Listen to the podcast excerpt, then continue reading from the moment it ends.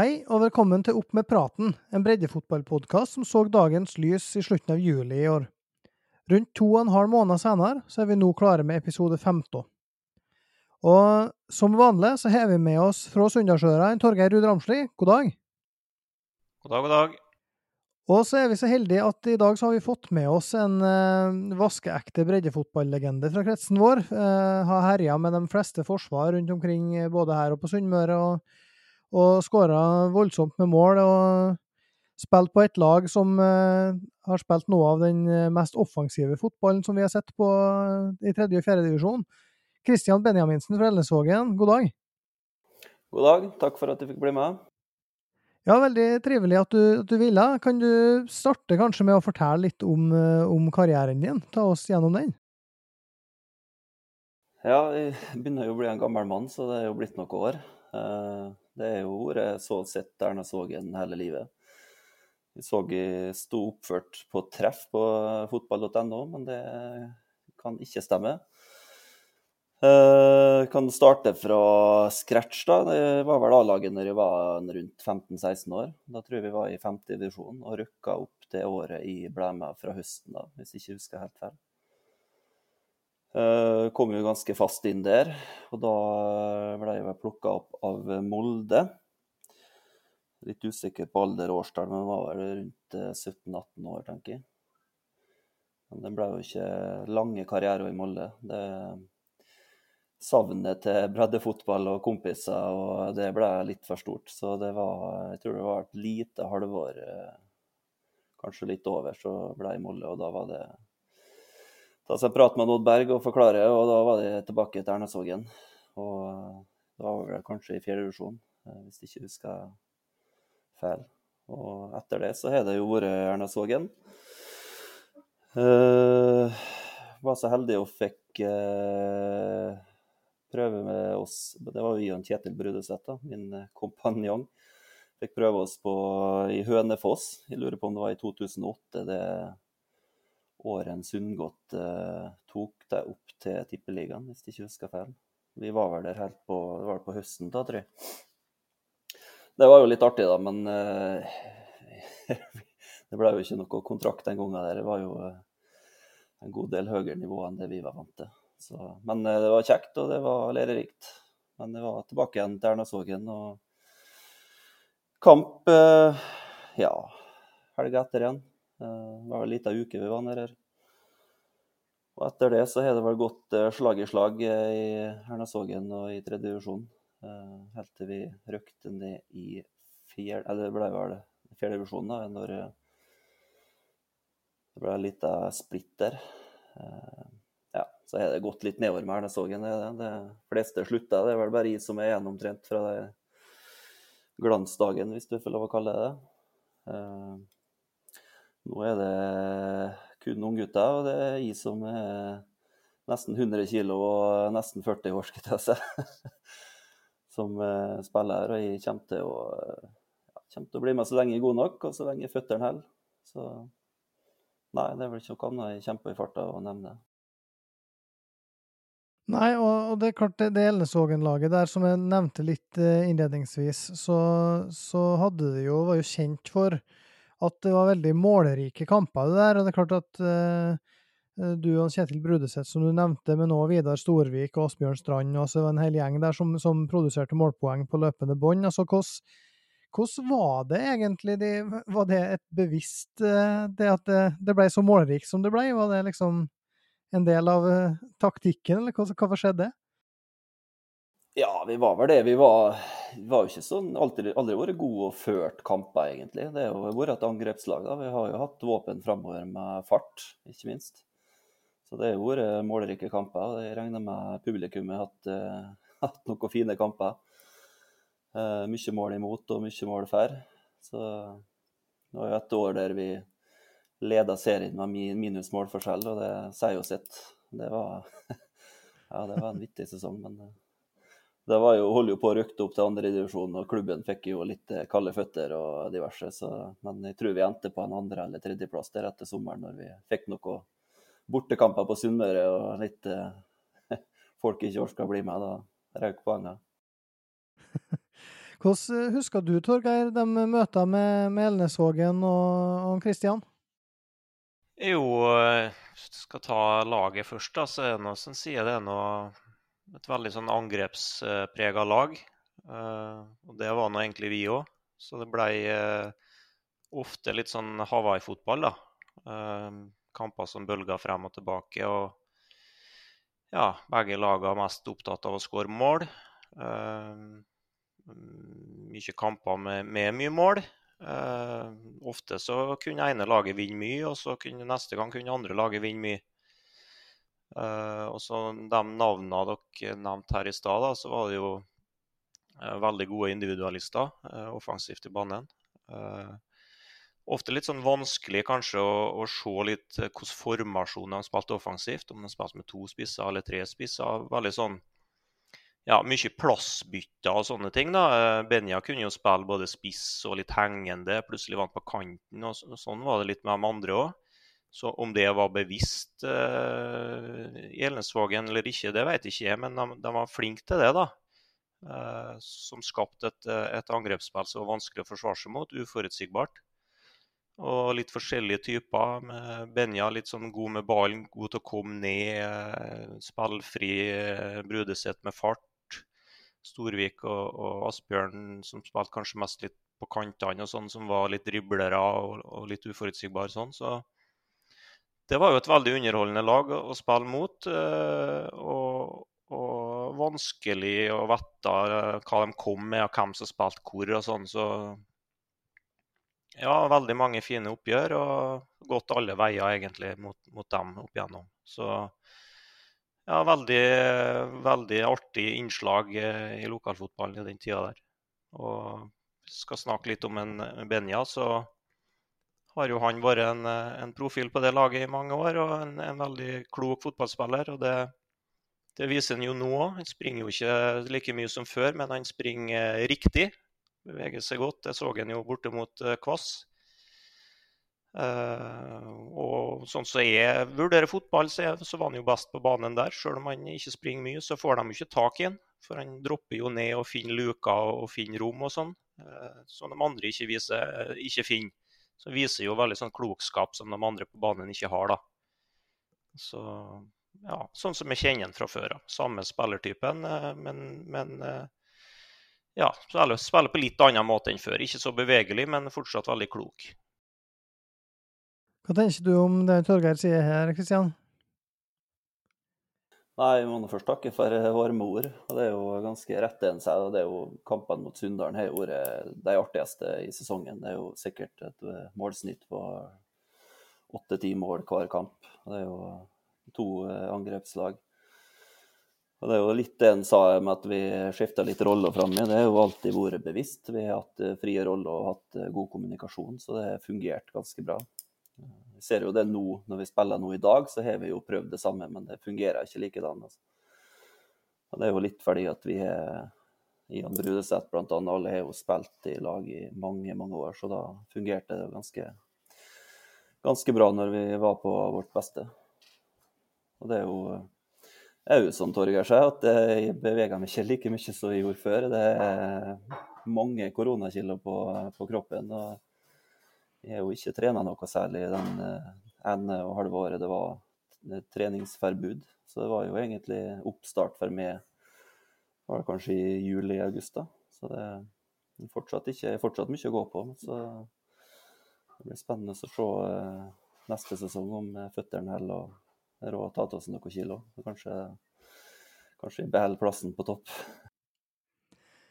Ja, og det, det, er Når du snakker om det laget her, eh, så er det jo Det som jeg ser for meg, og som jeg syns jeg hører, det er jo at det her er jo en, en gjeng kompiser eh, som òg har eh, et sjuerlag nå, ikke sant, som, som har vært kretsmestere, og som ligger an til å bli kretsmestere igjen. Og hva, hvordan, hvordan er miljøet på det, det Elnesvågen-laget der? Nei, vi ble vel kalt for eh, publaget, da. Eh, det var vel ikke så mange i klubbens styre og miljø som syntes det var så var så populært. Men det var vel det samholdet vi hadde den tida. Det var noe jeg ikke ville vært foruten. Det, det var jo spilte kamper. Vi møtte opp på trening og tok en fest etter, etter kamp på helg.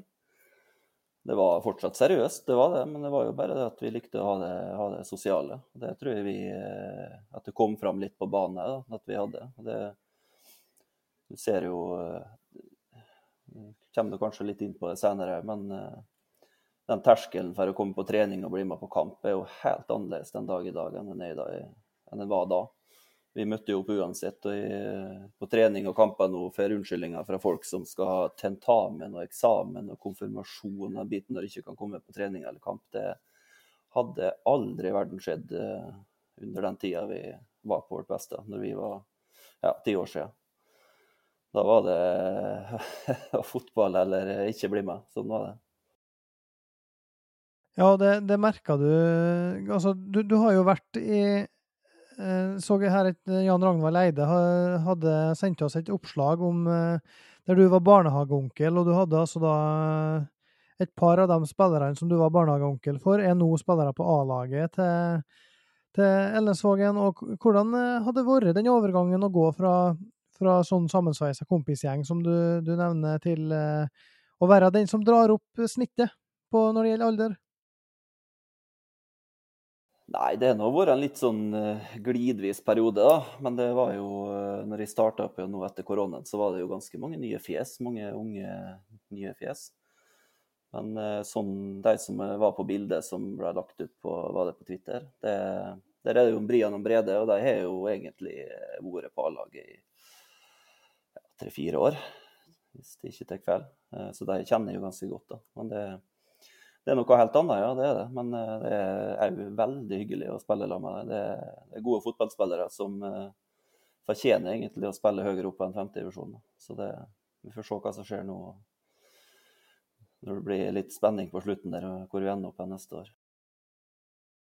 Ja, og, og, da er det jo et, et poeng her. Um, at du spiller jo både på femtedivisjonslaget til, til Elnesvågen og, og sjuerlaget. Men, men hvis vi tenker på femtedivisjonslaget, hvordan er hvordan har sesongen vært, uh, ut ifra hvordan du så det for deg før, før sesongen, for Elnesvågen sin del? Før sesongen jeg visste egentlig ikke så for mye om de andre lagene. Eh, og jeg har jo ikke fått blitt med så for mye på eh, noen treninger, så jeg kom jo egentlig og spilte en halv omgang før første seriekamp. Eh, så jeg starta jo på benken de to første kampene mot eh, både AK og hvis det ikke var Molde-studentene, hvis det ikke tar feil. Uh, nei, de viser ganske høyt nivå, uh, egentlig hele gjengen. Vi er et ganske spillende lag. Uh, Derav er det jo en god gjeng som har spilt i lag mange år. da. Det er jo den generasjonen der som er 19, 19 år nå, tror jeg. Og vi har jo vist det nå i femtedivisjon. Uh, Kvass Ulvungen spilte vi jo over, syns de. Det var en meget dårlig bane. Hadde vært skikkelig bane der, så tror jeg det har vært divisjonsforskjell, for å si det slik. Eh, treff to grusa vi. De var Vi så at de slet litt med gressmatta, men det er jo litt uh, der for begge lag. Eh, men vi var par nivå Tenningsnivået var et par hakk høyere enn treff der, så Eh, ja, det var, det var, artig. Det var mange folk på kampen og så jeg. Det var, det kjente litt sånn følelsen eh, fra når jeg var, spilte for en sju-åtte år siden, den kampen der. Det var skikkelig, skikkelig artig. Mm. Og så er det med sjuerlaget her, jo, så er det jo mm, Har jo vært veldig aktivt, eh, kanskje enda mer tidligere, på sosiale medier og, og meldt litt og vært vært eh, et, et fargerikt innslag i, i lokalfotballen. Og regjerende kretsmestere og slo Molde i en toppkamp der i går, og har dermed alt, og, alt i egne hender før siste kamp mot Tingvoll. Hva, hva, hva Det er jo den, den, Er det den gamle gjengen? For å kalle det i hermetegn gamlegjengen? Ja, det er det. Eh, det er jo enkelte som er flytta vekk, det er det. Men det er jo Ivan Brudeseth og eh, Strand er det jo med. Benny Øverli. Jeg har jo ikke spilt så mye med han på seniornivå, men jeg har jo hatt mye med han å gjort på både trener og litt diverse. ellers er det gamle travere som er med. Det er jo litt sånn som det er når det kommer litt opp i året, at det, det kommer noen inn en kamp og noen andre inn en annen kamp. Men det er jo den gode, gamle gjengen som har vært ja, fast innslag, da, med litt diverse andre folk. Så Nei, jeg har fått, uh, fått uh, godkjenning av Kurt til å bli med på, uh, bli med på den der, og det tror jeg han skjønner veldig godt at de har lyst til å bli med på. Så vi får bare takke ham for det. Ja, og så er det jo slik, og det er jo litt spesielt. Vi har fått et spørsmål fra Jan Ragnvald Eide om at, som da er keeper på, på det laget, at du er altså toppskårer du nå både i femtedivisjon og i sjuerserien. Det har du Hva tenker du om muligheten til å bli toppskårer i to ulike serier i samme sesong? Nei, det var ikke noe jeg tenkte på. Jeg har jo fått, uh, fått hørt det nå siste, siste uken. Det jeg. Uh, jeg regner med at den uh, toppskårertittelen på menn sjuer, den uh, tror jeg går inn. Uh, Femtedivisjonen er vel litt Ja, det kan jo skje litt der, men det er jo eh, hva som skjer med Gossen. det. Hvis, vi har jo ikke møtt Gossen ennå, men hvis de trekker laget sitt og alle kamper blir satt til 3-0, så er det jo mange oppe der som kommer til å dette ned. og Da ligger det jo godt an til å bli toppskårer der. Men nei, det, det, er artig. Jeg har jo alltid, jeg jo alltid vært en mer tilrettelegger enn en målskårer, egentlig. Men i år så er det jo vært målskårer og ikke tilrettelegger. Uh, det har vært kjekt, det òg. Men eh, det er, som Torgeir sa, det, ikke, springer ikke på så mye løp, men det er det å dukke opp på rett plass til rett tid. Det er vel gjort nå. Det er jo gode medspillere som legger ned noen meter og gir med pasningene. Så nei, det er kjekt. Det er det.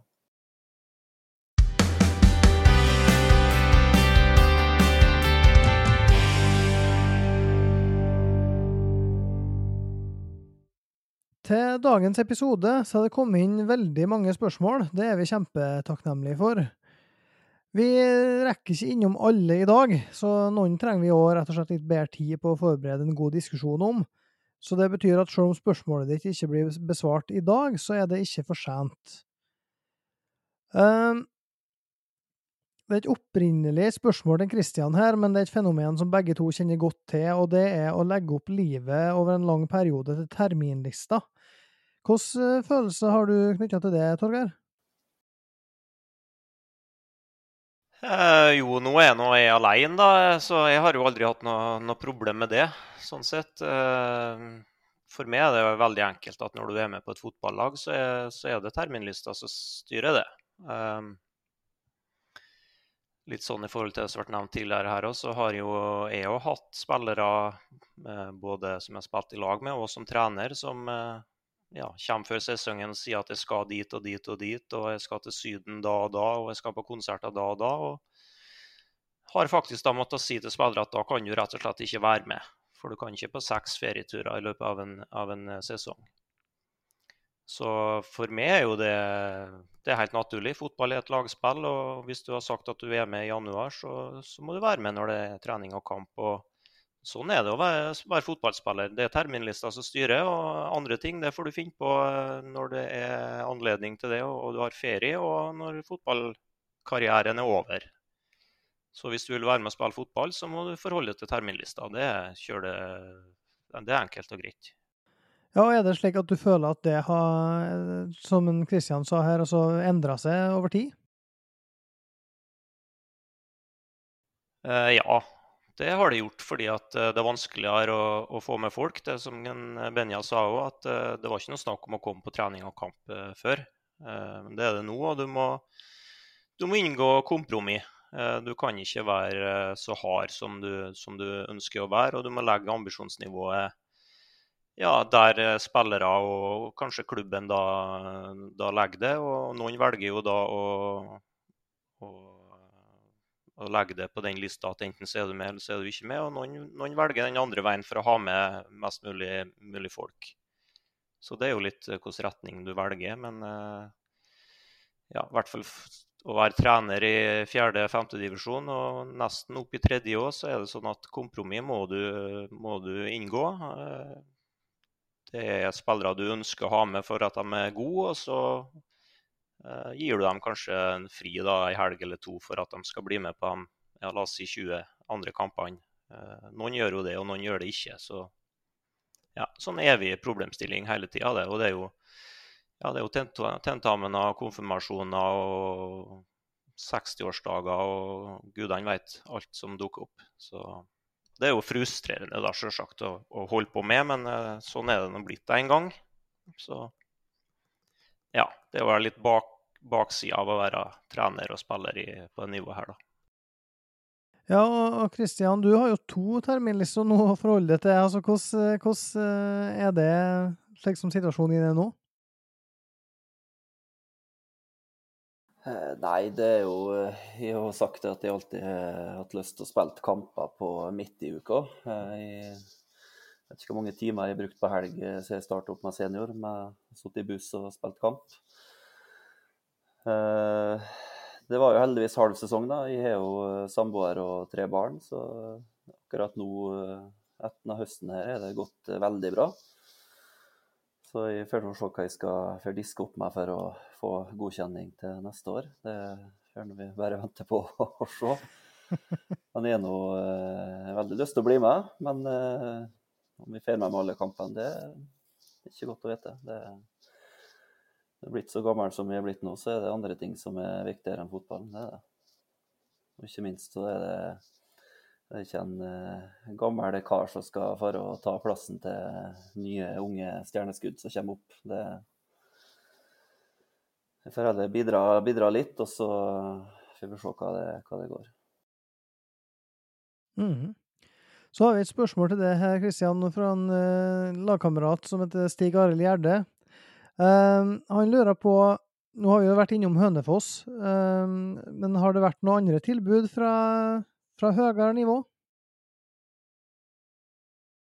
Det kom vel en eh, tilbud eh, om prøvespill i Hødd eh, fra Det var vel André Nevstad, tror jeg, som skulle ha med over. Eh, det endte Jeg var litt eh, pinglete den tida der. Jeg var litt skeptisk og litt redd, kanskje. Så det endte ikke med noe, noe fergetur over dit. Det gjorde det ikke. Når var det her snakk om? Nei, det var ganske tidlig. Jeg lurer på om det var rett etter Hønefossi, eller rett før. Jeg er litt usikker. Uh, utenom det så har noen uh, Erling Moe han, han, var jo ikke trener, da, men han var vel i apparatet. Han prøvde jo å få meg over på prøvespill, men det var vel mer for at de skulle vise litt uh, at de tok inn lokalet da, på prøvespill. Det var, Kjetil Bruseth var vel der han fikk vel en treningskamp. Men jeg endte aldri opp der, for jeg følte at jeg, jeg var ikke helt i toppslag den tida, så jeg takka, takka, nei. Det er ikke noe jeg angrer på. Det, ikke, men det har sikkert vært artig. Men uh, utenom det så har det ikke kommet noe Jo, det var vel det kom en Smørdal fra Treff. Jeg var vel i dialog med han, husker jeg. Det var vel noen Brakstad var trener. Jeg eh, hadde et møte med han, men eh, det endte ikke, noe, endte ikke med noe prøvespill eller kontrakter. Det ble det ikke. Så ekte, ekte Ernesvågen-gutt. Ikke sant. Eh, og så er det jo et spørsmål som ikke er fra Stig Arild Gjerde, men om. Og det er fra Johan Nås. Eh, han, det, det, beskriver jo han Stig Arild her som en teknisk begava spiller med hardere mottak enn skudd. Og han spør om hvor høyt opp i divisjonene du tror han kunne spille, om det ikke har vært for alle skadene han har hatt. Nei, For å starte med terskelen hans, da. Hadde han hatt litt eh, høyere terskel, så hadde han eh, spilt mer fotball, og kanskje på høyere nivå. Men eh, når han går og syter over overtråkk og diverse blåkuler, da, da kommer han seg ikke langt. Og så er det litt spørsmål litt samme kategori fra en annen lagkamerat av det Nikolai Nedrebø, som lurer på rett og slett er du enig i at du har Nordmøre og Romsdals soleklart beste touch? Nei. Nei, der er det der er det andre som er mye bedre touch enn jeg. Jeg er vel ikke kjent for touchen, det er ikke.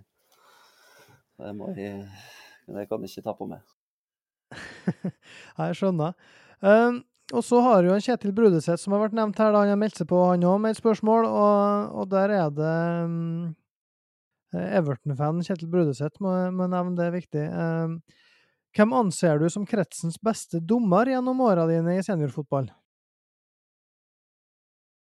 Ja, har vel hatt ei klar mening i mange år, egentlig. Eh, ikke sikkert uh, Torgeir er enig, ikke sikkert at de som hører på er enig, men Jan Rage Strømsvåg har vært min favoritt i mange, mange mange år. Det er en dommer du kan ha en dialog på. Kan, kan godt skrike og kjefte på, men han tar det med smil. og så Han er en, en dommer som ja, jeg syns det har vært meget, meget eh, god. Han savna i lokalfotball, men han er vel mer opptatt med bridge, og det,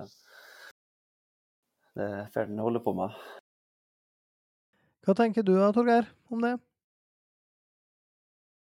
Jo, det forstår jeg godt. Eh, Jan Roger er jo da fra, fra Sunndalen, så jeg har ikke hatt han Han har jo dømt for Sunndalen stort sett, så, så, jeg har jo ikke hatt han så mye som dommer. Men, eh, men jeg skjønner jo eh, at, at Benja sier det han sier. og Jan Roger treffer jeg jo titt og ofte. Vi jobber jo på Hydro begge to. og Treffer nå i ja, kan vel si bybildet her, da. Det er ikke akkurat noen by vi bor i. men vi tar en kaffe, og, og han er på Sande og ser kamp, og vi diskuterer fotball. Da, så.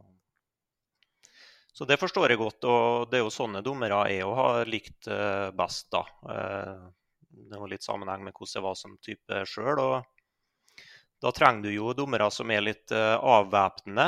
Uh, ikke dem som fyrer oppunder, men dem som kanskje kommer med en kommentar som gjør at du får fram smilet litt. Og, ja, per Ivar Staberg har har jo hatt litt, rann, ikke så mye. Han dømte jo stort sett på høyere nivå.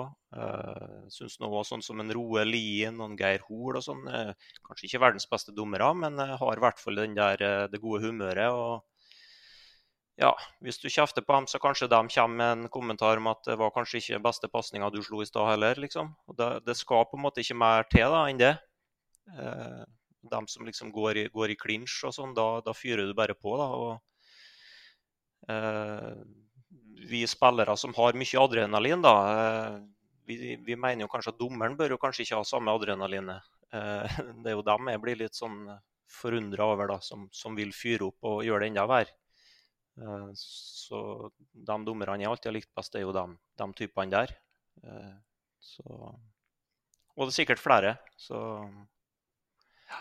Nei. Ja, vi skal komme tilbake til, til dommere i, i, en senere episode, men, men eh, jeg vil jo trekke fram Jeg syns jo det er mange, mange dyktige dommere i kretsen. Og, og når vi først er i gang med å skryte av sunndalendinger her, da, så syns jeg jo på sin plass å nevne Bendik Hårberg som har uh, kommet seg opp på et høyt nivå nå, og som jeg syns har akkurat den biten der. At han, han kan si han at uh, 'beklager, men jeg så det ikke'. Og da, da, tåler du på en måte at innkastet ble feil vei en gang. Fordi at uh, det er mye verre hvis en sier at han Hvis du veit du har rett, og du får, får kjeft i trynet på at du, du tar feil, da, da er det vanskeligere å takle neste situasjon, som er 50-50. Så, Svein Bendik syns jeg er veldig flink på den måten. For det første så har han jo en enorm løpskapasitet, så han er veldig tett opp i situasjonene. Eh, samtidig så er han flink til å, å, å prate med spillerne, så, så han syns jeg absolutt fortjener å Og det er klart at det er jo ikke tilfeldig at han er tatt ut av lokalfotballen vår eh, i stor grad for lenge siden. Så han, eh, han syns jeg godt kan bli nevnt. Eh, vi har et spørsmål til her, Kristian. Hvis du skal tenke på topp tre forsvarsspillere som du har spilt mot i gamle tredje eller uh, nye fjerde, hvem, uh, hvem, er det? Nei, jeg har nå fått det spørsmålet før. Uh, verste å møte. Altså, det er vel uten tvil en jeg har spilt mye sammen med, som heter for Erlend Holmen. Han har vel ikke blitt nevnt der. ja, jeg har vel jeg har spilt mot ham når han har spilt på Malmefjorden, men jeg har jo spilt i lag med ham i mange år. Og det var hver ei trening jeg ikke endte på lag med han, da hang jeg meg sule på. For det var Han ødela treningene mine. Det var Han var oppe i hver en duell, og han kakka i føttene. og det var, det var, som å ha noe hengende bak seg. Det var helt grusomt. Men jeg er jo glad for å ha spilt på lag med han mer enn jeg har møtt han. da. Men nei, han må absolutt eh, nevnes på toppen der. Og så har du jo Brakstad som er nevnt. Han er jo, han er jo ganske lik type. Han sprang meg opp hele tida, kom inn med ei susende stakling. Nei, det er ekkelt når det er raske stoppere. Og så er han, han er kandidat som vi husker fra Det er litt, litt eldre siden. Det er en Arne Håkon Sandnes. Han husker jeg meget godt, og det var en habil midtstopper. Kjempefyr. Veldig, veldig god. Ingen, hadde ingen svakheter, som jeg kan huske, i hvert fall. Mm. Hva tenker du om de tre navnene der? En, eh, Brakstad har vi jo diskutert før, og vi har snakka med han òg, Torgeir. Men hva tenker du om Erlend Holmen og, og Sandnes? Jo da, det er gode kandidater, alt da. Jeg har jo spilt mye mot en eh, Erlend, og, og, det var jo ikke alltid like hyggelig, som en uh, Benja sier. Det var noen voldsom fysikk, da, både med fart og, og, og muskler. Uh, jævlig til temperament, da. Så det ble jo noen noe klinsjer der med meg og han. Uh, synes jo også han, han spiller jo fortsatt. Jeg syns jo han var på høyden på Elensvågen. da. Uh, fortsatt bra, men ikke så bra som han var. Uh, og Arne Håkon har jeg jo spilt både med, med og mot. Uh, det er jo voldsom fysikk. ekstrem i lufta. Skåra mye mål på dødball.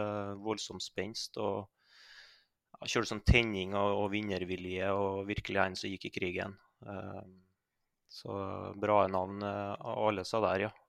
Absolutt av de beste stopperne som har vært de siste ja, 20 åra, for å si det sånn.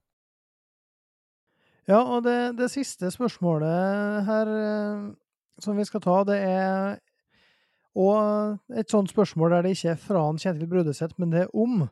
For Kalil Olsen Holmen skriver til oss eh, at du, Kristian og Kjetil, som duo gikk under navnet Kongen og Knekten. Og så er spørsmålet eh, Jeg lurer jo på hvem som er hvem av dere der, da, men i tillegg eh, Hvem av dere mener at du har flest målgivende til hverandre? er spørsmålet. Ja, Der er jeg vel 100% sikker på at eh, jeg har mer målgivende enn Kjetil, og han har mer mål enn meg. Derad kongen mest mål, knekten mest målgivende. Ja. Enkelt og greit. Da tar jeg og legger inn en jingle til, og så går vi over til fjerde. Skal vi se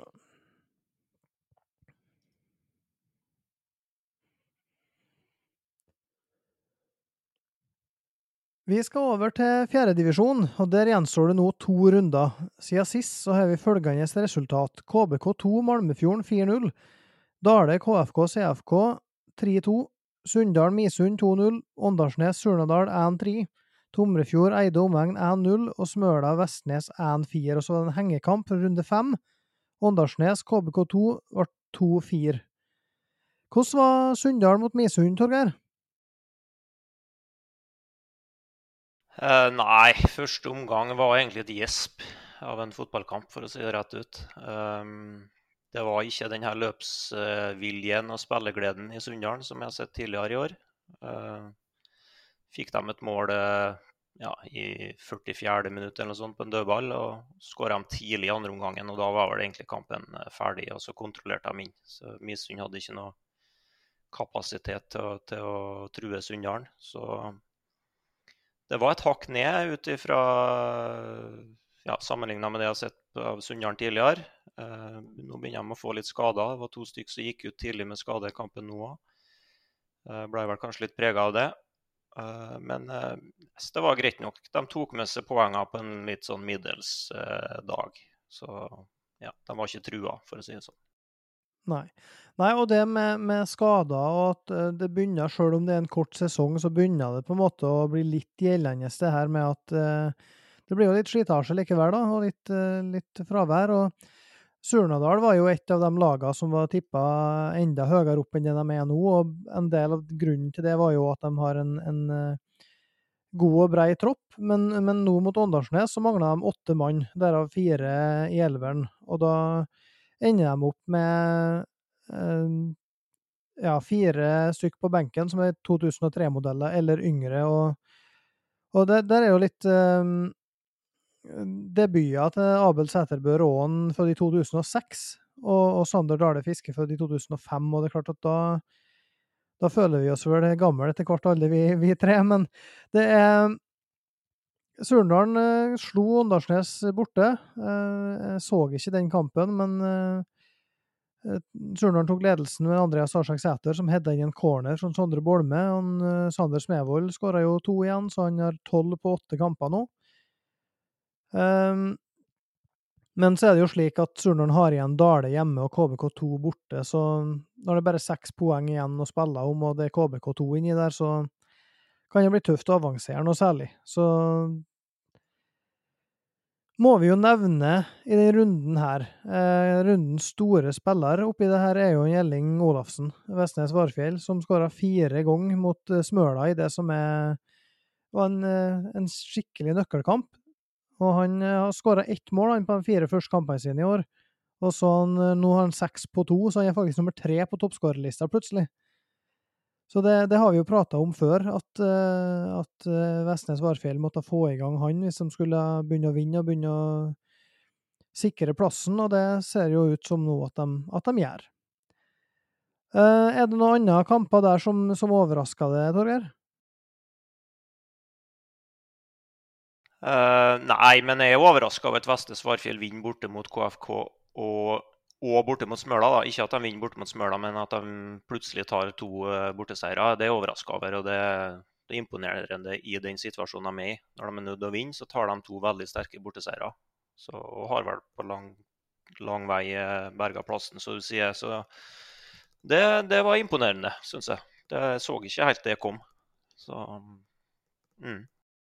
Ja, jeg er helt, helt enig. Og så, så, tenker jeg at det òg må jo nevne han eh, Leander Næss Alvheim igjen, da, som nå skåra ett eh, to mot Malmefjorden og så ett til mot Åndalsnes. Han har 16 mål på ni seriekamper. og det må bare ta sjølkritikk på at han var ikke i nærheten av eh, mine spørreundersøkelser om toppskårer før seriestart. Og det er klart, det, det har jo litt med langt fravær og dårlig research sikkert å gjøre, men han er iallfall med mindre Sander Smevold med sine tolv uh, gjør noe helt ekstraordinært på de to siste nå, så blir han toppskårer i årets fjerdedivisjon. Og det er sterkt når du har fylt 17 i løpet av sesongen og spilt stopper til du er 15 omtrent.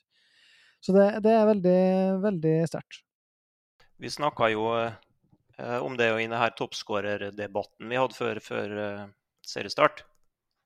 Da var, nevnte vi jo en del sånne gamle ringrever, og så håpa vi at det skulle dukke opp noen nye og, og, Det er jo ikke sikkert han blir i lokalfotballen så lenge da, når han er i den klubben han er. Men så er det litt naturlig at vi ikke har helt kontroll på alle, alle unggutter som kommer opp i KBK-systemet. De har jo spilt mye aldersbestemt fotball og sånn. Så, men eh, det ser ut som en meget spennende spiss og har mange ulike gode ferdigheter. Så, veldig gode avslutningsferdigheter. Han skårer mål på mange forskjellige måter, ser jeg. Og så er det ofte sånn at det er midtspiss på et topplag så, som skårer mye mål, skårer òg sjøl mye mål. da. Så ja, jeg er imponert over han. Han har vært god av de kampene sine. Ja, og de har jo en annen spennende mann der, eller gutt der med, med navn Marius Weidel, som allerede har fått proffkontrakt, og som er enda yngre. Og som skåra i nærmest hver kamp nå, og stort sett har hatt innhopp tidligere, men som har seks mål på KBK2, han òg, så han er helt, helt oppi der. Så det blir spennende å, å følge med på dem to hva de kan få til på, på enda større, større scener. Eh, vi har snakka litt om eh, opp- og nedrykk, og for at vi skal ha det helt klart for oss hvordan det faktisk foregår, så er jo det en litt sånn eh, som en Torgeir var inne på forrige episode, at du vet jo aldri helt hvem som rykker opp og ned før det har gått litt tid her i lokalfotballen, for det, det er avhengig av opprykk eh, fra fjerdedivisjon og kvalik mot sunnmøringene, og det er avhengig av tredjedivisjon eller uh, Norsk Tipping-ligaen. Men så er det slik at uh, nå har kretsen vår to lag der, og det er Treff og Molde 2. Treff de ligger på tredjeplass og kjemper om opprykk med Strindheim og Spjelkavik og har ingen teoretisk mulighet for å rykke ned, mens Molde 2 de er nummer 9 av 14 lag.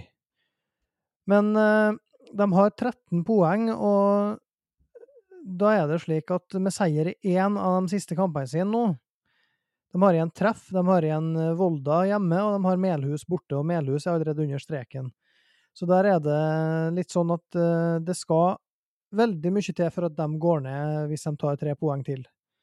Så per dags dato så er det sannsynlig at ingen av de to lagene går ned. Uh, når det gjelder fjerdedivisjon så er det også opprykkskvalik mot vinneren av fjerdedivisjon Sunnmøre, og med to kamper igjen så topper Herd tabellen der.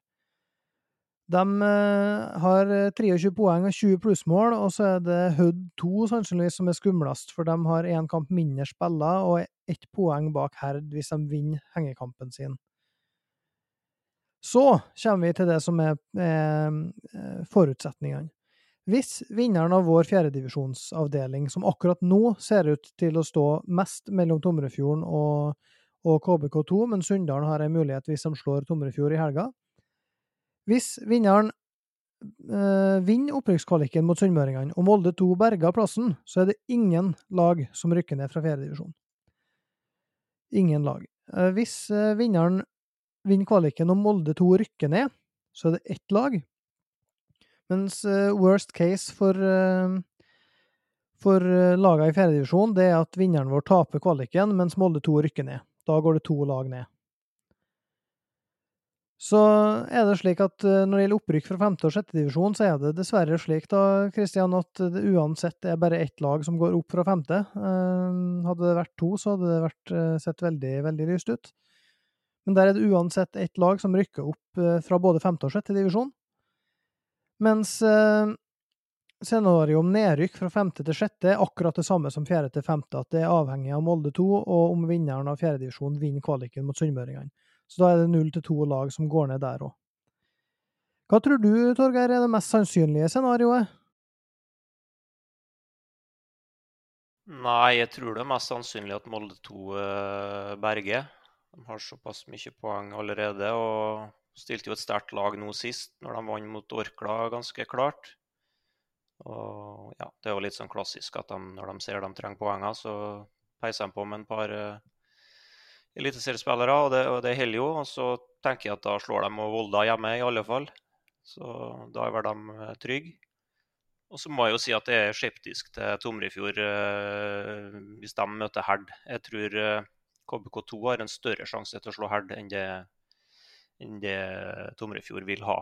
Eh, men du skal aldri si aldri med, med Tomrefjord. De, er, de, får veldig mye ut av laget sitt. Eh, plutselig så murer de igjen og, og slipper nesten ikke inn mål i, i to Er det én eller to kvalikkamper, forresten? Er det hjemme borte? Nei, nå trodde jeg at jeg hadde forberedt meg så godt at jeg visste hvordan det her skulle skje, men det, det der har jeg ikke tenkt på, det må jeg bare innrømme. Så det, det vet jeg ikke. Bruker nå å være hjemme borte, da. Ja. Men, uh, klart det kan gå alle veier, det. Men uh, nei, jeg, jeg, tror jo Herd er, er, sterkere enn Tomrefjord, men jeg tror KBK har en sjanse, så, så, det kan gå begge veier. Uansett så tror jeg at det blir bare ett lag ned, da, maks. Mm. Uh, fra fjerde. Så, ja. Og det er jo en, gir oss jo en ganske spennende diskusjon. Fordi at akkurat nå så har Smøla tre poeng, Eide omegn har fire. Det er to kamper igjen. Uh, opp til Misund så er det De har åtte, og KFK har ni. Eide har nå igjen Malmefjorden borte og KFK hjemme. Hvor mange poeng tror du de tar det, Kristian? Nei, det er vanskelig å si. Altså, jeg har ikke fått sett noe fairvisjon i år. Jeg må prioritere å bruke tida på å spille sjøl. Så jeg er veldig usikker på det. altså. Hva tenker du, Torgeir? Nei, jeg tror at uh, Skal vi se nå, da. Det, ja, KFK har ni, ja. Og da tenker jeg at uh, Eide da slår KFK hjemme i den siste matchen. Og da blir det Smøla som går ned. Hvis det blir to, to lag ned, så tror jeg det blir Smøla og Eide. For jeg tror ikke Eide vinner begge siste kampene. Det tror jeg ikke. Og så tror jeg òg Misund slår Smøla hjemme, så de er sikre. Eh, eller, de er ikke sikre, men de blir nå det da i så fall. Så det blir nok eh, Smøla sist. Ganske sikker på det. For, for de har igjen Misund borte og Sunndal hjemme. så hvordan tror du hvordan går det der, tror du? Misund har det jo sagt, men Sunndal-kampen på hjemmebane 23.10. Eh, motvind i begge, begge omganger. Ja, med litt vind og regn er vi jo uh, det er vi kjent med på Sunndalen, så det skal han vel fikse. Så jeg tror Sunndalen blir for sterk uh, for Smøla, sånn som jeg ser det nå. Det, det tror jeg. Så det betyr at, at uh, Smøla sin beste sjanse, hvis de ikke tar noe mer poeng sjøl, så er eneste muligheten for å berge, det er at vår fjerdedivisjonsvinner vinner kvaliken, mens Molde 2 berger. Hvis det skjer, så står alle lagene i fjerdedivisjon. Yes. Uh, mm. Og det er jo Ja, kjør på. Ja, nei, jeg skal si det er jo Ja. Det, det er jo bra, det, for lagene som er i fjerdedivisjon, men, men det skal jo ikke være sånn i fotball, da. At kommer du sist, så står du i divisjon. Det, det, er jo hele ideen med fotball og det vi spiller om hele tida. Det er jo opprykk og nedrykk og, og, og, sånt. Det er jo fotballens grunnidé, jeg tenkte å si. Og da skal du ikke stå i en divisjon hvis du kommer sist. Eh, for meg blir det litt sånn grunnleggende feil, da. Hva tenker du om det, Kristian? Nei, jeg er helt enig med en, Torgeir så er det slik at i motsatt ende av tabellen, da, hvis det ser på toppen, så, så tar Sunndal imot Tomrefjord. Og Tomrefjord toppa jo med 23 poeng, har ett poeng ned til KBK2 og fire til Sunndalen, fem til Surndalen. Hva tanker tror du om eh, de to toppkampene, altså Sunndal-Tomrefjord og KBK2 borte mot KFK, Torgeir? Uh, nei,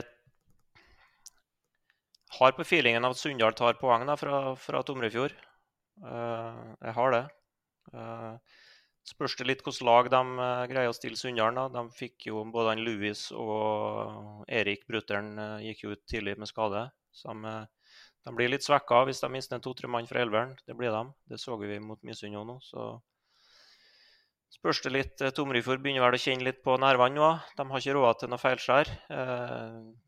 Hvis de har, får dem uavgjort på Sande, så er de sikkert sånn tålelig fornøyd. Da kan de avgjøre hjemme mot Malmöfjord. Uh, men eh, Nei, som jeg sa i forrige episode, jeg syns det lukter KBK2, jeg, da. Nå jeg, jeg må, må si det. Ja, for hvis uh, Tomrefjord taper poeng i en av de to siste kampene, mens KBK2 slår KFK, og så har Surnadal hjemme i siste kamp, så, så, er det KBK2 som stikker av med det her. Og, og det er klart at hvis uh, KBK2 har jo Det blir jo spennende å se hva de eventuelt velger å gjøre i siste kamp, da. Med tanke på hva Leo Totev sa tidligere i, i podkasten her, om at de i utgangspunktet ikke har et mål om opprykk i år.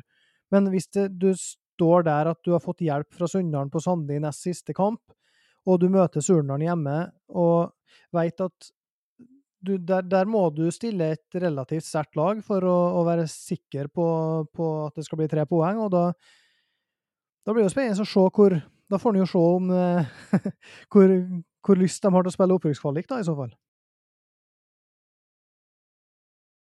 Ja da, og du ser jo eh, Amin Askar spilte jo nå sist, f.eks. Han har jo ikke spilt et sekund tidligere, så de begynner jo på en måte å ruste opp litt. Så nå sa vel det kanskje feil i stad, Tomrefjord Berge med, med, med, uavgjort på Sande. De gjør vel ikke De må vel vinne to siste, dem òg. Hvis KBK vinner de to siste, så Nei, jeg tror nok hvis KBK har sjanse på opprykket i siste kampen, så, så, går de nok for det, da. Det, og i hvert fall sånn som den tredjedivisjonsavdelinga ser ut til å være nå, så er jo den rime, rimelig lokal. da. Det er jo ikke så lang reising til, til, til Trondheim. Det er jo, Dagen går jo likevel om du skal til Trondheim, eller om du skal til Åndalsnes, eller til Misund, eller på Smøla. Eh, så ja. Det, og da får de jo veldig god matching i neste sesong, så ungguttene der. Så det må nok KBK gripe med begge hendene, tenker jeg, hvis de får den sjansen. Ja, hvem tror du rykker opp, Kristian? Eh, Eller vinner serien, da? Ja, nei, heller litt ned på KBK2. Ja. Tomrefjord er en veldig fysisk lag, eh, men eh, de er aldri imponert med sånn spillemessig, egentlig. Så lurer jeg på hvorfor ikke KBK2 har lyst til å rykke opp. da, I hvert fall at det ikke er målsetning om å gjøre det. Det bør nå absolutt være oppe i tredje divisjon. Så jeg eh, tror de kommer til å, når de ser slik det ligger nå, at de går for å, å rykke opp. Hvis de vil, så rykker de opp. Jeg tror det er så enkelt. Ja, altså Tomrefjord har Malmefjorden hjemme i siste kamp, og det er klart at jeg føler jo det at eh, hver uke sitter vi her og, og snakker om at på den ene sida så sier vi som sant det at Tomrefjord er veldig solid, de er gode bakover, de er fysisk sterke, og de, de har imponert i år, men samtidig så har de Eh, det er 1-0 mot Eide. Det, det, det, har vært jevne kamper, relativt jevne kamper med, med eh, knepne seire. Og det er klart at det har jo Eide for så vidt sagt i hele år, men, men får jo tro at det, at det stemmer, da, at de har vært, eh, vært nær, nær, poeng der. Og da er det litt sånn litt gratis motivasjon da, kan, kan de få på kjøpet her av at vi sitter og, og sier nå at eh, sjøl med to kamper igjen, så, så må de passe for KBK2. Ja, det er i hvert fall uh, spenning, og det er bra. Veldig bra. Absolutt. Ja, og de, og de, de leder jo fortjent, eh, Tomrefjord. Det er jo ikke noe med det. Du, så lenge du vinner 1-0 og, og 2-1, jeg tenkte å si kamp etter kamp etter kamp, så er det jo det en, en voldsom styrke, det. Så det er jo ikke det at vi ikke syns det er fortjent. Eh, fordi om vi eh, ikke syns de spiller den mest blendende angrepsfotballen, da. Det, det tror jeg jo òg de ser sjøl. Men for all del, eh, det, hvis de vinner serien, så blir jeg veldig imponert. blir det. Ja, vi, vi har jo sagt òg det at uh, Og snakka en del om det at uh, det er flere måter å spille fotball på, og til sjuende og sist handler det om å få resultat. Og det, det, viser jo Tomrefjord at eh, de har funnet sin måte å, å, få resultat eh, uke etter uke på. Og det er det flere av de andre lagene som, eh, som kanskje har skåra mer mål, som sliter med. Så all ære til dem for det. Ja, og så bare for å si det, da. Det er sånn når du blir trener, da. Så du er veldig glad i et godt angrepsspill i å skåre mye mål, men du er òg veldig glad i et godt forsvarsspill det, det, blir fort et fokus når du blir trener. For du, du ønsker å ha trygghet i, i laget ditt. Uh, det er Å vinne 1-0 og 2-0 det, det, føles liksom tryggere enn å vinne 4-3 og, og, og, og, sånt. Da er, du mer, er du mer shaky og nervøs på, på sidelinja. Sånn. Så hvis du greier å bygge et godt fundament bakfra i banen, så er det noe som alle trenere liker, tror jeg. Selv om det er mange som sier at vi fokuserer bare på angrep og vi skal peise på og sånn, så, så er det veldig betryggende å være solid bakover. Hvordan er det å høre for en mann som har spilt på et lag som har vunnet eh, mål, målfester og opp gjennom i årevis her, Kristian? Nei, jeg skjønner den veldig godt. Eh, vi Ernesågen er vel ikke eh, kjent for å ha så bra forsvar. Det var noen år vi var, var litt solide, men det har alltid vært det å plutselig noen som ikke kan bli med, og så er det noen som ikke holder nivået så detter inn. Så nei, jeg skjønner Torgeir veldig godt i. Det er absolutt.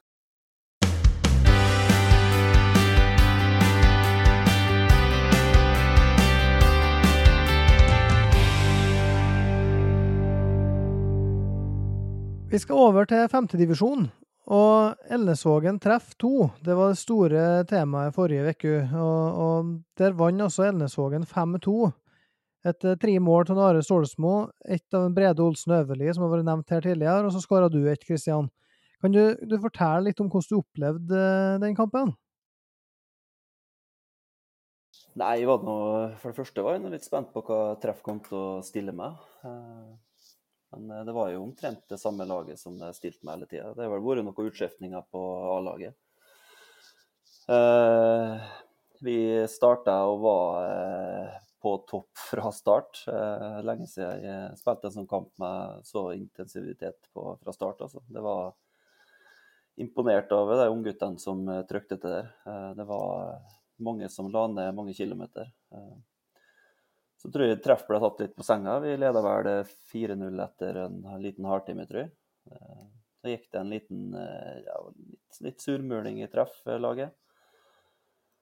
Eh, etter det så ble det kanskje en litt kjedelig kamp, og treff kom vel mer inn i kampen på slutten og skåra to mål. Da, da trykte jeg oss litt, men vi hadde vel egentlig full kontroll hele kampen, syns de i hvert fall.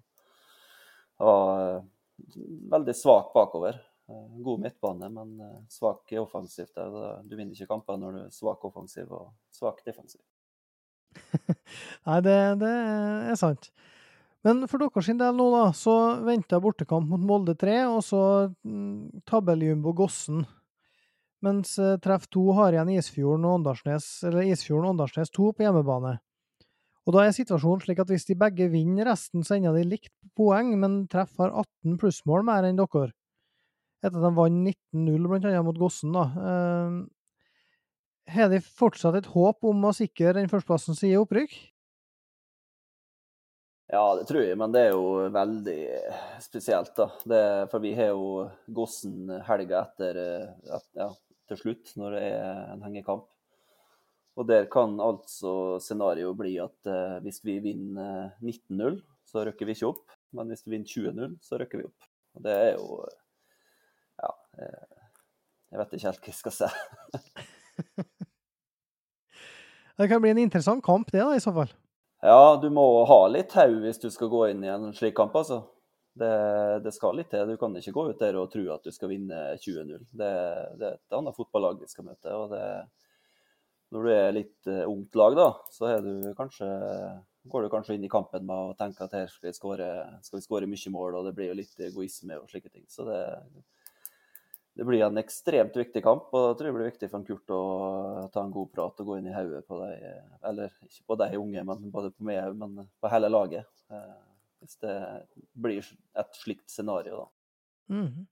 Hva, hva, tror du skjer med, med Elnesvågen nå hvis det ikke blir eh, opprykk i år? Hvordan ser laget ut neste år sammenlignet med i år?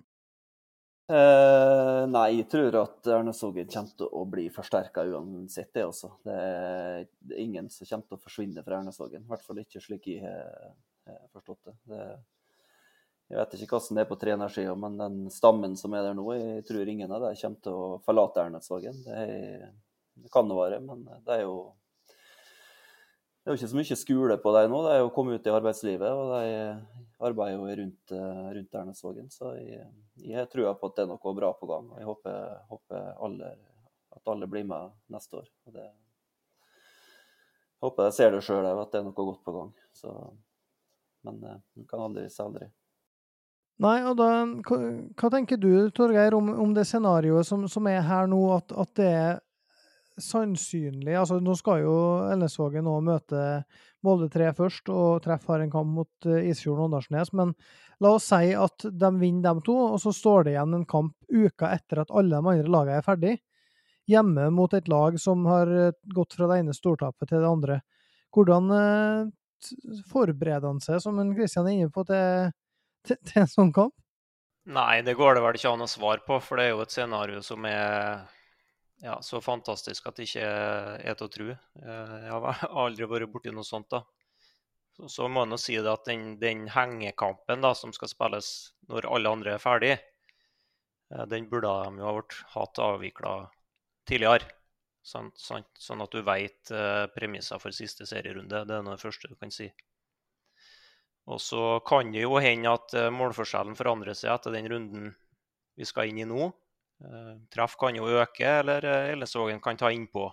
Eh, så det vet vi jo ikke. Men ja, at, at Kossen skal tape 1920-21-0 en gang til, det, ja, det, kan jo skje. Men det virker jo helt usannsynlig, det, da. Så er det jo sånn som vi sa, at det, ble jo jevnt mellom topplagene. Og et tap eller et tap og en uavgjort blir jo da avgjørende. Sant? Det blir jo avgjørende her nå for Ellensvågen at de tapte borte mot Kvass. Uh, viste jo voldsom styrke nå da, med å dunke treff 5-2. Uh, så ikke den komme, nei. Uh, absolutt ikke. At de kunne vinne, det, det var jeg åpen for, men, men, ikke så klart. Og 4-0 etter en halvtime og sånn. Så. Men jeg føler meg jo ganske sikker da, på at når, hvis treff 2, eller når treff 2 gikk opp nå, jeg er ganske sikker på det, så da er jo veien åpen for Elnesvågen neste år, uansett hvem som uh, kommer ned. For jeg anser dem som sterkere enn både Smøla og ja, ja, Eide kan jo kanskje få til noe, men um, det er ofte sånn at uh, hvis det går galt, så trenger de litt tid på, på, på, på å bygge seg opp igjen. Uh, og Da ser jeg ikke for meg at det blir en sånn voldsomt satsing på, på, Eide neste år på å rykke uh, rett opp igjen. Det kan godt hende de får til det, men så jeg tror veien er åpen for Elnesvågen da neste år. Jeg tror Kvass eh, kommer til å miste litt spillere. Kanskje noen tilbake til Sunndalen, kanskje noen gir seg. Eh, så hvis Elnesvågen har det laget de har nå, pluss kanskje enda forsterkninger, så vil jo de være en klar kandidat til å rykke opp eh, neste sesong.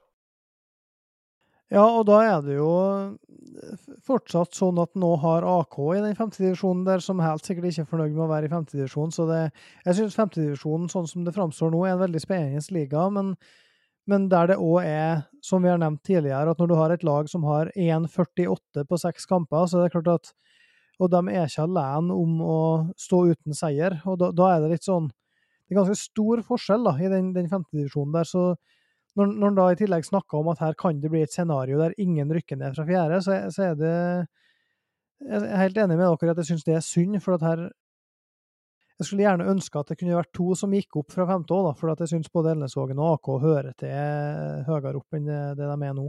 Og når treff to i tillegg da er, er bedre, så håper jeg at treff to får et bedre møte med fjerdedivisjon enn, enn det jeg huska fra sist de var opp, for da var det på slutten der ganske Da var det nesten litt sånn som Gossen i femtedivisjon nå, at det var litt tilfeldig hva som kom på besøk til det, og tapt stort sett alle bortekamper ganske stort. Eh, når det er sagt, så er det da en kamp på Bruhagen mellom AK og Kvass som står om tredjeplassen, der eh, MSI, Molde-studentene, ikke stilte til kamp borte mot Kvass sist. Den står per nå som 0-0 i tabellen, men der, eh, der, er det slik at hvis Kvass får 3-0, så må AK slå Kvass på Bruhagen for å ta tredjeplassen. Og det, AK er jo faktisk bare to poeng bak, eh, bak treff, og, og det Elnesvågen kan bli hvis han vinner hengekampen. så hvis både Treff og Elnesvågen eh, taper resten, så har AK en eh, teoretisk mulighet på å knipe, knipe opprykket, men det tipper at hvis vi har hatt Gøran Sandøy her igjen, så hadde han vært ganske kjapp til å lukke den døra. Vi skal rett og slett gå inn eh, for landing, men før vi gjør det, så må jeg bare høre, Kristian, altså det Når vi snakker målforskjell her nå, hvor surt er nå de to baklengsmålene de slapp inn på slutten sist, som utgjør fire mål målforskjell internt mellom dere og treff? Nei, de er veldig sur. Vi får jo se hva det ender til slutt, da. Men eh, det ble jo kjørt litt bakover. og merka det at eh, treff var godt trent. Eh, så at vi skulle vunnet 5-0, det, det har jeg ikke, ikke sett for meg. Men det var vel fortjent at jeg fikk et mål eller to der. Det var det. Men det er vel mer surt å slippe inn det målet mot eh, Kvass, og ikke minst ikke vinne på AK når vi hadde muligheten til å vinne både med ett og to mål. Det, det, det, det svir skikkelig. Mm. Jeg skal bare ta og oppsummere, fordi vi har en uh, veldig spennende uh, nesten seriefinale i tredjedivisjon for damer. For der har vi tidligere snakka om at det har vært fordel KBK. Men nylig nå som kom det avgjørelsen om at Surnadal Søya Todalen har blitt tilkjent tre poeng og 3-0 mot Molde 2 etter å ha lagt inn protest pga. at Molde har brukt for mange spillere som sto som benytta i kamprapporten i forrige førstelagskamp. Kretsen ga først eh, medhold til Molde, men etter anke så ble den avgjørelsen snudd av NFF sentralt. Og dermed så er det klart for eh, seriefinale på Syltørene nå nå på søndag, og nå er det plutselig Surnadal Søya Todalen som klarer seg med uavgjort. Men KBK vant sist lagene møttes, så der er det en, en spennende eh, batalje for Jonny Bakk og Kjetil Rønning og, og, gjengen på sidelinja, og ikke minst for spillerne som, som skal ut i en eh, nesten ren seriefinale der. Med det så sier vi takk for i kveld i, i Opp med praten. Tusen takk til deg, Kristian, for at du var med oss. Jo, veldig hyggelig å være med. Så håper jeg du eh, ikke slutter med denne podkasten her, for det er helt uh, ypperlig at du driver med. Det, når ikke Budstikke og Romsdals Budstikke og uh, gjengen dekker det, så er det bra at du dekker det. Så takk for det. Jo, takk for, takk for gode ord, og takk eh, til Torgeir for at du er med og, og løfter, løfter hele opp med praten hver eneste gang. Jo, takk for det. Takk i like måte. Yes, og da er det bare å glede seg til, til, kamp i helga. Jeg regner med at alle sammen skal på kamp, alle som hører på, alle som uh, er her. Og da sier vi takk for i dag.